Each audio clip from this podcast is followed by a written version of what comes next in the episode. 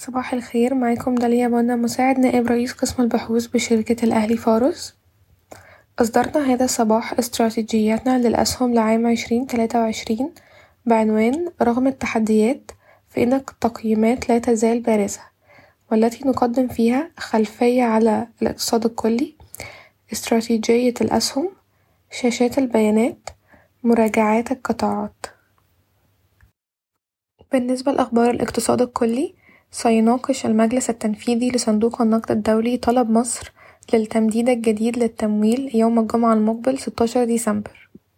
قال وزير المالية في وقت سابق من هذا الأسبوع أنه يمكننا الحصول على الدفعة الأولى من قرض الإنقاذ البالغ سبعمية وخمسين مليون دولار أمريكي قبل نهاية العام.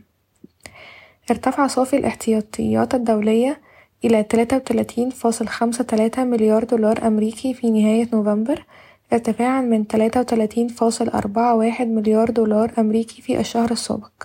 نتيجة ارتفاع قيمة مكون الذهب. أما بالنسبة لأخبار القطاعات تراجعت أسعار النفط إلى أدنى مستوى لها يوم الثلاثاء مع إغلاق خام برنت دون تمانين دولارا أمريكيا للبرميل الواحد للمرة الثانية في عام عشرين اتنين وعشرين. تهدف شركة العاصمة الإدارية الجديدة إلى الدخول في أربع شراكات مع مطورين عقاريين بداية عام عشرين تلاتة وعشرين. باع شريف الزيات كامل حصته البالغة ستة في المية في سبيد ميديكال حيث كانت قيمة الصفقة تمانية وعشرين فاصل تمانية ستة مليون جنيه مصري. شكرا ويومكم سعيد.